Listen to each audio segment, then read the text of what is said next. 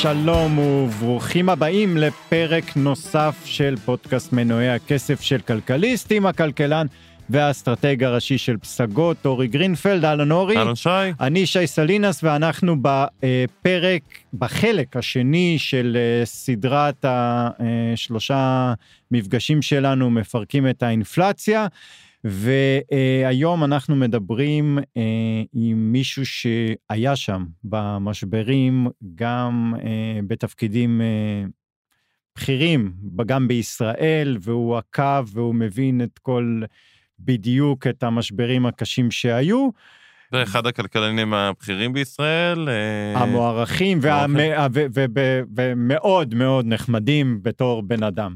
פרופסור מנואל טרכטנברג, ראש המכון למחקרי ביטחון לאומי, INSS, שלום פרופסור, תודה רבה שהצטרפת אלינו.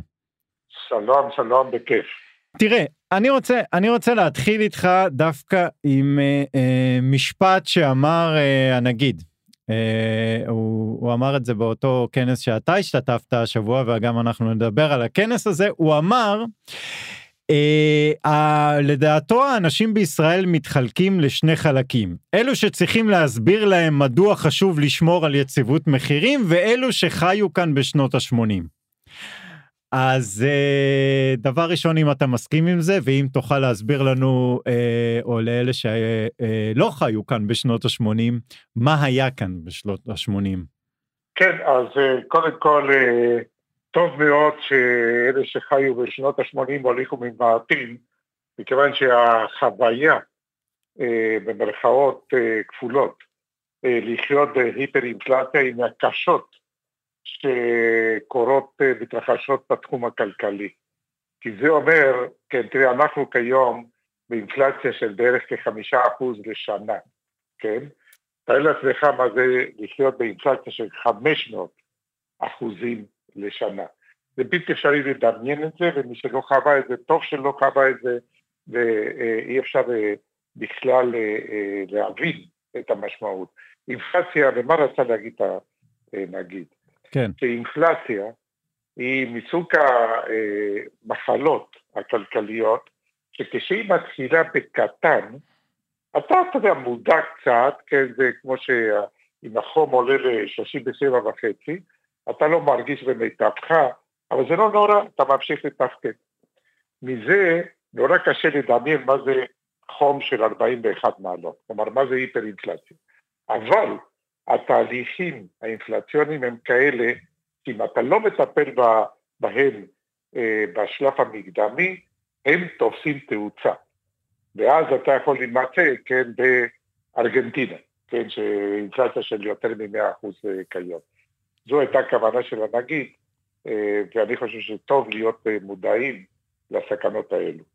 פרופסור טרכטנברג, אני מניח שגם נדבר על ארגנטינה תכף. קודם כל גילוי נאות, אני, פרופסור טרכטנברג היה מרצה שלי בתואר שני לאקונומטריקה. וקיבלתי 100 במבחן, אבל לא בגלל זה הוא הוזמן. אני חושב שגם אני הייתי ילד בשנות ה-80, ואני חושב היום שאני מלמד במכללה מינהל שיעור במקרו-כלכלה, ובאמת מדברים, קשה לאנשים להבין, מעבר לכאב שיש, איך בכלל משק מתנהל במצב של חוסר ודאות מוחלט לגבי המחירים. הרי אני רוצה ללכת ולקנות איזשהו מוצר, ויכול להיות שמחר כבר המחיר של המוצר הזה משתנה. כן. אז, אז יש שני היבטים אה, אה, מואפת, אה, להיפר-אינפלציה. הראשון הוא עצם כסף עליית המחירים, ואז אתה יודע שמה שהיום עולה אקס, יכול להיות שאחרי הצהריים או מחר יעלה איזושהי מכפלה אה, של אקס, אוקיי? זו אי ודאות אחת. אבל זו אי ודאות, דרך אגב, שיש לה חוקיות מסוימת, כי אתה יודע שהכל עולה, ולכן אתה ממהר לקנות, אוקיי? כי כל רגע שאתה דוחה קנייה, הכסף שלך שווה יותר, ולכן האינפלציה מבינה את עצמה, כן? זה הרי אתה רוצה כמה שיותר מהר לצרוך היום. ועצם העובדה שאתה רוצה לצרוך יותר מהר היום, כן, מאיצה את האינפלציה. הדבר השני, שהוא יותר, אה, הוא פחות נראה לעין, אבל הוא לא פחות, לא פחות מזיק לכלכלה, זה שאתה לא יכול יותר להשוות מחירים. אין לך את היכולת, כן, אה, אה, לעשות השוואות יחסיות, כלומר, האם אתה תוציא יותר כיום על מכונית או על, אה, לא יודע מה, כן, דיור, אז נורא קשה לעשות את ההחלטה הזאת, כי כדי לעשות את ההחלטה מושכלת, אתה צריך לדעת מה האלטרנטיבות וכמה הן עולות. והמחירים היחסיים מעוותים לחלוטין. למה? מכיוון שקצב עליית המחירים של כל מוצר הוא אחר. ולכן אם בדרך כלל אה, קפה עולה פי שניים מתה, כן? ואז אתה אוכל, עושה את ההקלטה בהתאם, יכול להיות שבבוקר קפה עולה פי שתיים ובערב זה הפוך, אתה מבין? אז העניין הזה שהסיגנל שהוא כל כך חיוני בכלכלת שוק של המחירים היחסיים מתעוות לחלוטין. עכשיו זה לא רק שזה גורם לך כצרכן קושי מאוד גדול להחליט החלטות נבונות, אלא שזה משפיע גם על הייצור, על, ה, על החלק היצרני של המשק, כי גם כשאתה רוצה לקנות חומרי גלם, כן, אה, או תשומות ביניים, אתה לא יודע כמה שווה כל דבר, ולכן אה, יש פגיעה, וזה מאוד חשוב להבין, יש פגיעה ביעילות הכלכלית של המשק כולו ושל העיוות שנגרם הן כתוצאה מהמהירות שאתה, שבה אתה צריך לקבל החלטות בגלל שהכסף שווה כל רגע פחות, ובגלל העיוות אה, במחירים היחסיים. אני לא מבין את הנקודה, היום אנחנו גם נמצאים בסביבה אינפלציונית. מה הנקודה שבעצם אה, אה, מגיעים חמישה אחוז, שישה, שבעה, אפילו עשרה אחוז אינפלציה שנתית למספרים שציינת קודם. איך, איפה הנקודה? מה הטעות, או, או מה צריך לעשות אחרת אולי כדי... שני, אולי שנייה אני אחדד, או לא אחדד, או אולי זו שאלה שקשורה. הרי גם אחרי שנות ה-80, אם נסתכל אה, שנות ה-90 בישראל, ואפילו תחילת שנות ה-2000, היינו באינפלציות של 8, 9, 10 אחוזים, והכל היה בגדול בסדר. היום בדיעבד זה נראה לנו הרי מופרך, שהאינפלציה 8 אחוזים, והריבית הייתה אז ארוכה ב-12 אחוזים בתחילת שנות האלפיים. איך אנשים בכלל יכלו לקחת משכנתה בריביות כאלה? היום בחמישה אחוזים אנשים אומרים שהם לא יכולים לקחת משכנתה. כן. אז, אז יש שתי שאלות נפרדות, כן? אז העניין של אה, איך אינפלציה של חמישה אחוז הופכת לאינפלציה של מאה אחוז, או, או אתה יודע, או חמישים אחוז, לא חשוב. אה, אז התשובה היא כפולה. א', שכדי שזה יקרה, אז הבנק המרכזי אה, צריך במרכאות, כן, לתמוך בזה. כלומר, שאם אתה אה, במדיניות מוניטרית מרחיבה, כן, אז זה מאוד מאוד אה, לשפוך שמן למדורה כדי שהאינפלציה תואץ. ולכן בצד השני, אם יש מדיניות מוניטרית מצמצמת, האינפלציה לא יכולה לאורך זמן, כן, אה, להיות אה, אה, גבוהה מאוד, כי תמיד יש איזה גורם מרסן, כן, שזה המדיניות המוניטרית. לכן בישראל הסיכוי שנמצא את עצמנו באינפלציות מאוד גבוהות, הסיכוי הזה הוא כמעט לא קיים כי יש בנק מרכזי עצמאי, כן, שבצ'רטר שלו, שהתפקיד המרכזי שלו זה לדאוג לעיצוב מחירים. הדבר השני זה מדיניות פיסקלית, אוקיי? כלומר, באיזה מידה הממשלה בתקציב שלה גורמת לגירעונות או לא. מדיניות גירעונית, תקציבית, תומכת אינפלציה. מה זה מדיניות גירעונית? המדינה מוציאה יותר ממה שהיא גובה במיסים, ועל כן אה, היא דוחפת את התהליך האינפלציוני, אוקיי? אלה שני הכוחות במקרו שמזינים אינפלציה מואצת. בהיעדר שני הכוחות האלה, האינפלציה יכולה להתנועע ב single digit, מה שנקרא, כן? עד עשרה אחוזים, אה, בגלל כוחות אחרים, בעיקר מצד ההיצע. מה שקורה במדינת ישראל כיום, זה שהאינפלציה כל כולה היא מונעת מגורמים חיצוניים. כלומר, אה, בגלל המלחמה באוקראינה והקורונה וכו' וכו' וכו', כן, אנחנו מייבאים אינפלציה. החלק שהוא תולדה של מה שקורה בתוך מדינת ישראל, זה בגלל, ש, בגלל מה שקורה, קרה בחצי שנה האחרונה עם הרפורמה המשפטית אה, והתגובה לה, כן, אז יש אובדן אמון בכלכלה הישראלית, כתוצאה מזה בין היתר ההשקעות בארץ הצטמצמו והשקל פוחת. הפיחות של השקל בהחלט מבין את התהליך האינפלציוני, כי אנחנו מייבאים את רוב המוצרים שאנחנו צורכים. אז כשאנחנו מסתכלים, קודם כל, אם נחזור רגע באמת אחורה לעבר, אה, שנות ה-70, או בעיקר בעשור השני, של שנות, במחצית השנייה של שנות ה-70, מה שבעצם קרה אה, בישראל, ואולי פה אפשר, אם תוכל להרחיב קצת גם איך זה דומה או שונה ממקרי אינפ... היפר-אינפלציה אחרים בעולם שהיו, אה, ארגנטינה, או אולי אפילו גרמניה שלפני המלחמה, אה, מה שקרה זה בעצם שהמדיניות של הממשלה הייתה מאוד מאוד גירעונית, והבנק המרכזי לא נתן קונטרה מהצד השני. אה, אני צודק? קונטרה הכוונה לא היה לא, עצמאי? לא, לא, לא, היה... לא צמצם. זאת אומרת, הממשלה, הרי נכון. אנחנו גדלנו מאוד אחרי מלחמת ששת הימים, המדינה נהייתה הרבה יותר גדולה, ההוצאות של הממשלה היו ענקיות, גם על הביטחון וגם על להחזיק פתאום מדינה שהשטח שלה הוא הרבה הרבה יותר גדול.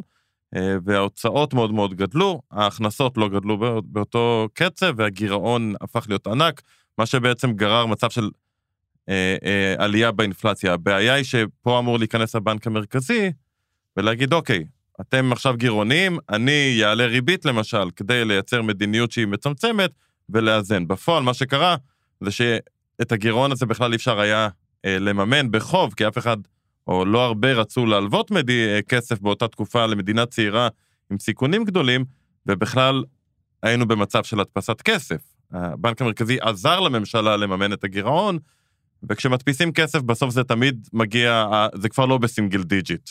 לפחות ההיסטוריה ככה מראה, אם אני לא טועה. אבל אני רוצה לתקן אותך. האינפלציה במדינת ישראל החלה, או התהליך שהזין את האינפלציה, לא צריך להיזהר החל אחרי מלחמת יום הכיפורים.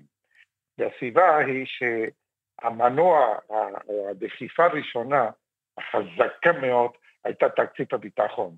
מה שקרה זה שהחרדה האדירה שגרמה לה מלחמת יום הכיפורים, דחפה את מקבלי החלטות אה, אה, להוציא על ביטחון תחומי עתק שהגיעו אה, בשיא לכשליש, יותר מ-30 אחוז מהתמ"ג של מדינת ישראל. זה משהו דמיוני, זה משהו שקשה כיום להעלות על הדעת. תשמע, כיום ההוצאה הביטחונית של מדינת ישראל היא כאחוז מהתמ"ג, היא פחות משישה אחוזים. כל, אוקיי? כל התקציב כולו היום הוא פחות משליש מהתמ"ג. נכון מאוד. ותאר לעצמך, כן, שרק ההוצאה הביטחונית, כן, אז זה כבר היה, אתה יודע, דחיפה מטורפת אה, אה, לכיוון ההוא. והדחיפה השנייה זה כשבגין עולה לשלטון ב-77, אז אחרי תקופה מסוימת שחשבו שיעדקו את החגורה, אה, בעצם הממשלה של בגין נוקטת, נוקטת, נוקטת מדיניות של גם וגם. כלומר, גם ביטחון בממדים עצומים, וגם בפן החברתי, אוקיי? וזה בעצם, זה נקודת ההאצה השנייה, ותוך כדי כך, כפי שציינת, הבנק המרכזי עשה מה שנקרא בג'רגון הכלכלי מדיניות שהיא accommodating, כלומר, היא מאפשרת את זה, היא מתאימה את עצמה לאמור, היא מדפיסה כסף, הבנק המרכזי מדפיס כסף, כן, כדי לכסות את הגירעון הממשלתי. זו קומבינציה, זה כאילו אם יש, אתה יודע, יש מרשם בדוק. להיפר אינפלציה. ולהיפר אינפלציה זה זה. זה גירעון ממשלתי גדול שממומן על ידי הדפסת כסף. זהו, זה, אתה יודע, לא יכול להיות, התוצאה לא יכולה להיות אה, אחרת. אז זה מה שקרה אז, אנחנו למזלנו במצב אחר לחלוטין.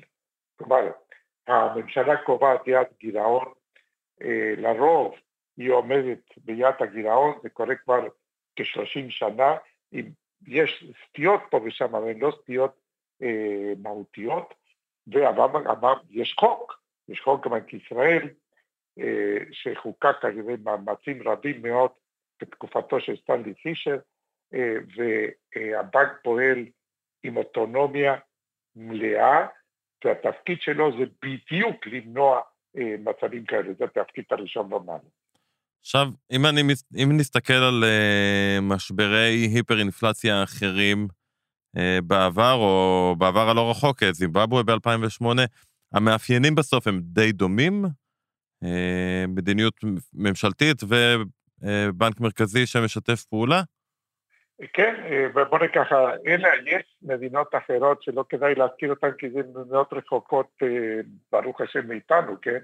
אני אומר מבחינת ההתנהלות. אה, שאתה יודע, בינתיים, זימבבואה, כן, אה, שחוותה אינפלציה, היפר-אינפלציה מטורפת, אה, ונצואלה, כן, מדינות שבעצם אינפלציה יכולה להיות או סימפטום של אה, אובדן דרך אה, מבחינה כלכלית במובן שתיארתי, דרך אגב טורקיה, כן, אה, גם, אה, טורקיה ארדואן, כן, אה, טורקיה ממש מעכשיו, המשבר ממש מעכשיו, נכון? כן, כן, כן, שהוא, אתה יודע, בא ופיטר חמישה נגידים של הבנק המרכזי, כי הוא אמר שבאינפלציה צריך להוריד את הריבית, אתה מבין? אז ארזואן אמר, כן? אז, אז, אז זה סיבה אחת, והסיבה השנייה היא אינפלציה כסימפטון של קריסה של מדינה. וזה אנחנו הדוגמה הכי בולטת, אה, לצערנו, אה, כ-200 קילומטר צפונית מאיתנו. כלומר, לבנון. בלבנון יש היפר-אינפלציה, כן? והיא משקפת קריסה אה, של המדינה, קריסה שלטונית, אובדן שליטה, כן? זה בעצם שני ה... אה, הגורמים המרכזיים ש... כי מה, הבעיה החברתית שם פשוט לוחצת על השלטון? זאת אומרת שהבעיה החברתית שנוצרת בעקבות האינפלציה. לא, בלבנון מה שקרה זה שהמבנה הפוליטי קרס למעשה, כן, והשלטון כשלטון איבד שליטה, ואז הכלכלה בעצם אה, יורדת לרמה של אה, כמעט של בארטר, אתה יודע, של כלכלת חליפים, כן? כן. כי הכסף מאבד מערכו לגמרי, אין רזרבות של מטבע חוץ, בעצם מה שקרה שרוקנו את הקופה הציבורית. אה, סיפור קשה מאוד, אבל אה, לא חשוב את כל הפרטים. מה שאני אומר שבגדול אינפלציה זו מחלה קשה, שהיא משקפת, יכולה לשקף שני דברים, או המקרה הזה של לבנון, ונצואלה, אה, זימבבואה, כן, שזה בעצם איזושהי, איזשהו שבר שלטוני פנימי מאוד עמוק, או מדיניות כלכלית אה, פשוט אה, מוטט, כן, מהיסוד, שכיום, בזמן אמת, קורית בארגנטינה ובמידה פחותה בארגנטינה, אבל עדיין בטורקיה.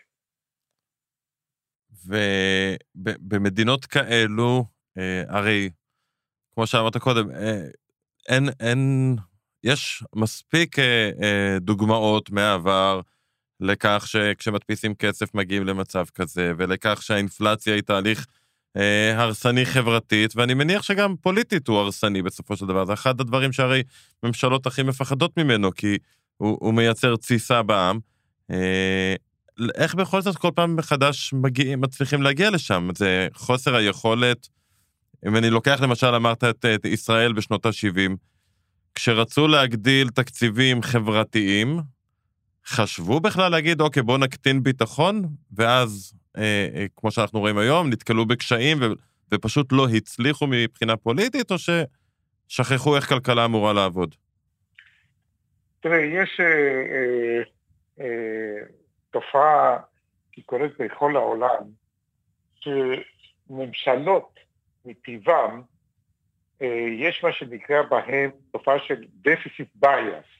אומרת, יש הטיה לכיוון של עשיית גירעונות. למה? מסיבה מאוד פשוטה. הרי אתה רוצה היום, אתה שר לתחום X, אוקיי? אתה רוצה היום להוציא יותר על מנת אה, להראות תוצאות ושתוכל להיבחר מחדש, אוקיי? ולכן זה שאם תוציא יותר היום זה יגרום מחר להאצת האינפלציה, אתה, אתה יודע, אתה עושה discounting של התופעה הזאת, אתה מסתכל על, ה, על, ה, אה, על מה שאתה רוצה להשיג היום. זה נכון לגבי כל אחד מהשרים, כן? וזה, ועל כן, אם אין איזשהו גורם אחראי אה, שיכול לשלוט על זה, כן? אז אה, אתה תראה את התופעה הזאת של דפיסיט ביאס, של, העדפת ההווה, כן? ההוצאה בהווה, לעומת ההשלכות אה, העתידיות. זו תופעה אוניברסלית, לכן אה, אה, יש שתי מסקנות. א', שהמאבק כנגד התופעה הזאת הוא מאבק תמידי, תמידי, כל הזמן צריך לעבוד על המשמר, ושנית, שדרוש איזשהו מנגנון חזק שהוא מושרש בפעילות של הממשלה, שתפקידו למנוע את זה. ואצלנו זה כמובן אגף התקציבים של האוצר, כן? ואנחנו אוהבים לשנוא, כן? אבל בסוף הפן הזה של המקרו, כן? הוא משחק תפקיד אה, חיוני בהקשר הזה. אז בעצם מה שאנחנו, ובעצם כל העולם, משלם היום, זה בעצם האינפלציה שהוא משלם, שהוא רואה היום, זה מה שקשור לקורונה, זה זה שפיזרנו יותר מדי כסף בקורונה ולא היה מבוגר אחראי ואמר, אה, תקשיבו, די? לא, תראה, זה יותר מורכב מזה, כלומר כן ולא. מה שקורה כיום זה, זה באמת תופעה מדהימה, כן? כי מצד אחד היו לאחרונה, בשנים האחרונות, שוקים שאף אחד לא יכול לעלות על הדעת, כן? מכות שננחתו גלובליות, כן? על המערכת הכלכלית הגלובלית, שתיים, כן, הקורונה והמלחמה באוקראינה, אוקיי? שאף אחד לא יכול לחזות דבר כזה, והמכות האלו באו אחרי תקופה ארוכה של פעילות כלכלית בלתי שגרתית, הן של ממשלות והן של בנקים מרכזיים, שהייתה מיועדת בעצם אה, להחזיק את המשקים אה, ב, ב, שלא ייפלו לתוך אה, מיתון. הרי זה התחיל אחרי המשבר הגדול ב-2008, כן? כן? ואז החלה מדיניות, אחרי השוק הראשון, החלה מדיניות אה, מרחיבה הן מוניטרית והן פיסקלית, בארצות הברית זה המקצוע הכי בולט, כן? כי הבנק המרכזי שם קנה כל היד, כן, של, אה, של נכסים פיננסיים שלא היו שווים כלום, כן? כדי להזרים אה, ליקווידיטי, כן, נזילות למשק, ולמנוע על ידי כך נפילה של בנקים ושל מוסדות פיננסיים אחרים וכו' וכו', וגם מדיניות פיסקלית מאוד מאוד אגרסיבית. זה היה נכון בארצות הברית וגם באירופה.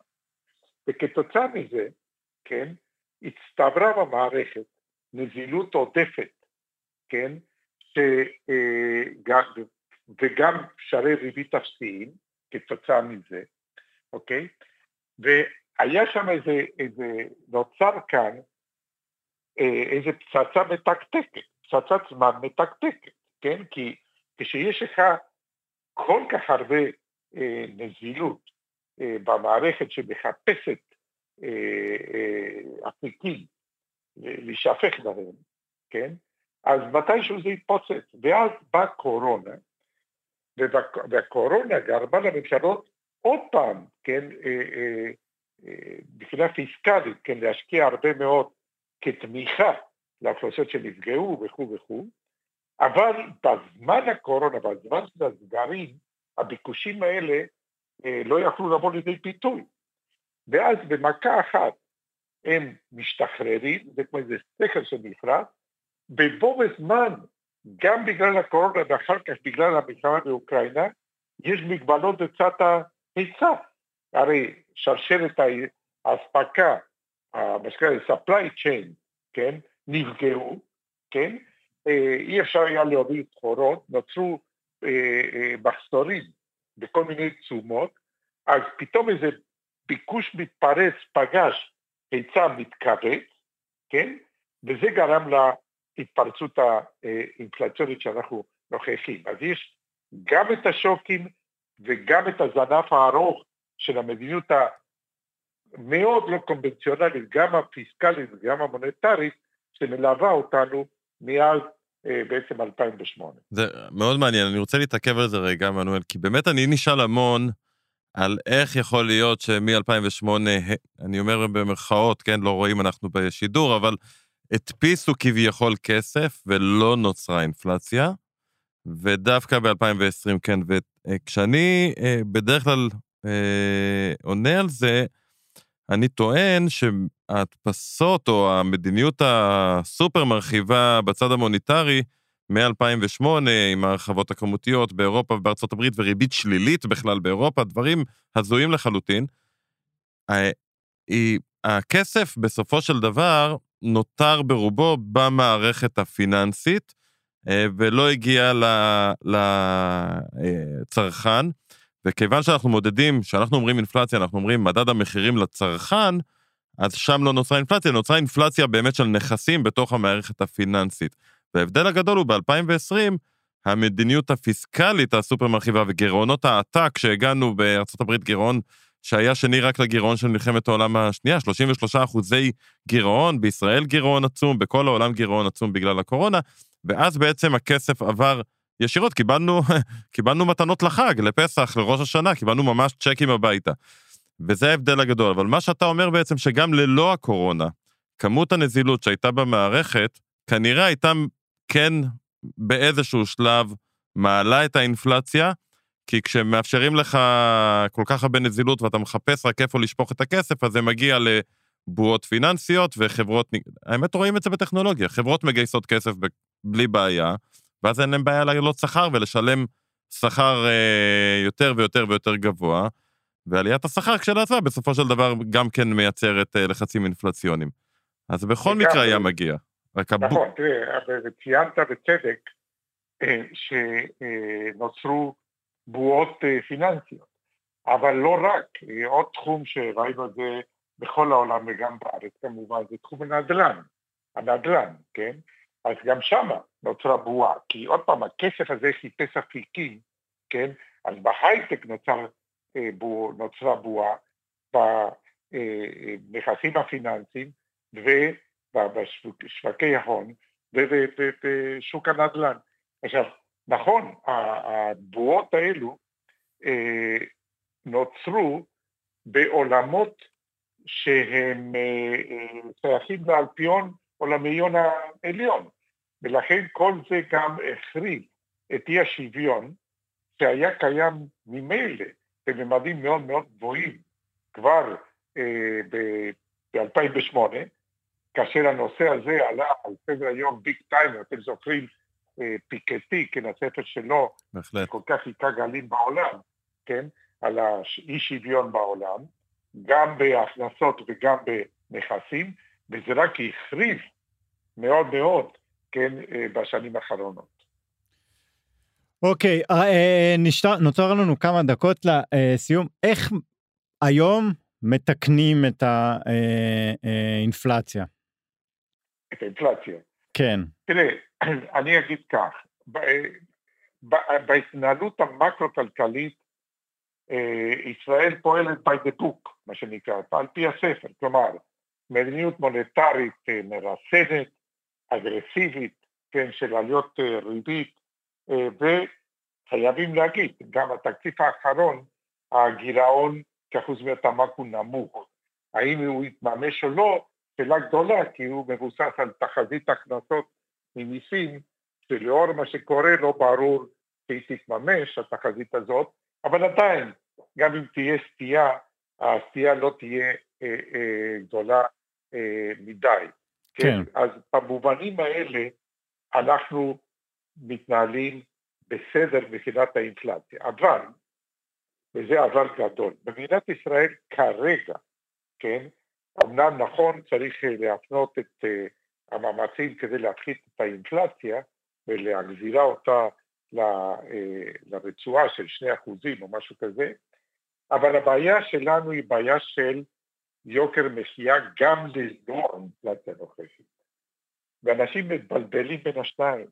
הבעיה היא לא, הבעיה חמורה, היא לא שהלחם המפוקח אה, יעלה עוד שקל וחצי, וזה מה שקורה. זו לא הבעיה, זה לא רצוי, אבל זו לא הבעיה. אוקיי. Okay. גם זה נגרם כתוצאה מגורמים חיצוניים, שזה עלייה במחירי החיטה וככה. אז זו לא הבעיה העיקרית. הבעיה העיקרית זה יוקר המחיה שיש לה קיום, יש לו, היוקר הזה קיום גם לפני 11 שנה וגם לפני חמש שנים כשלא הייתה אינפלציה וגם כיום.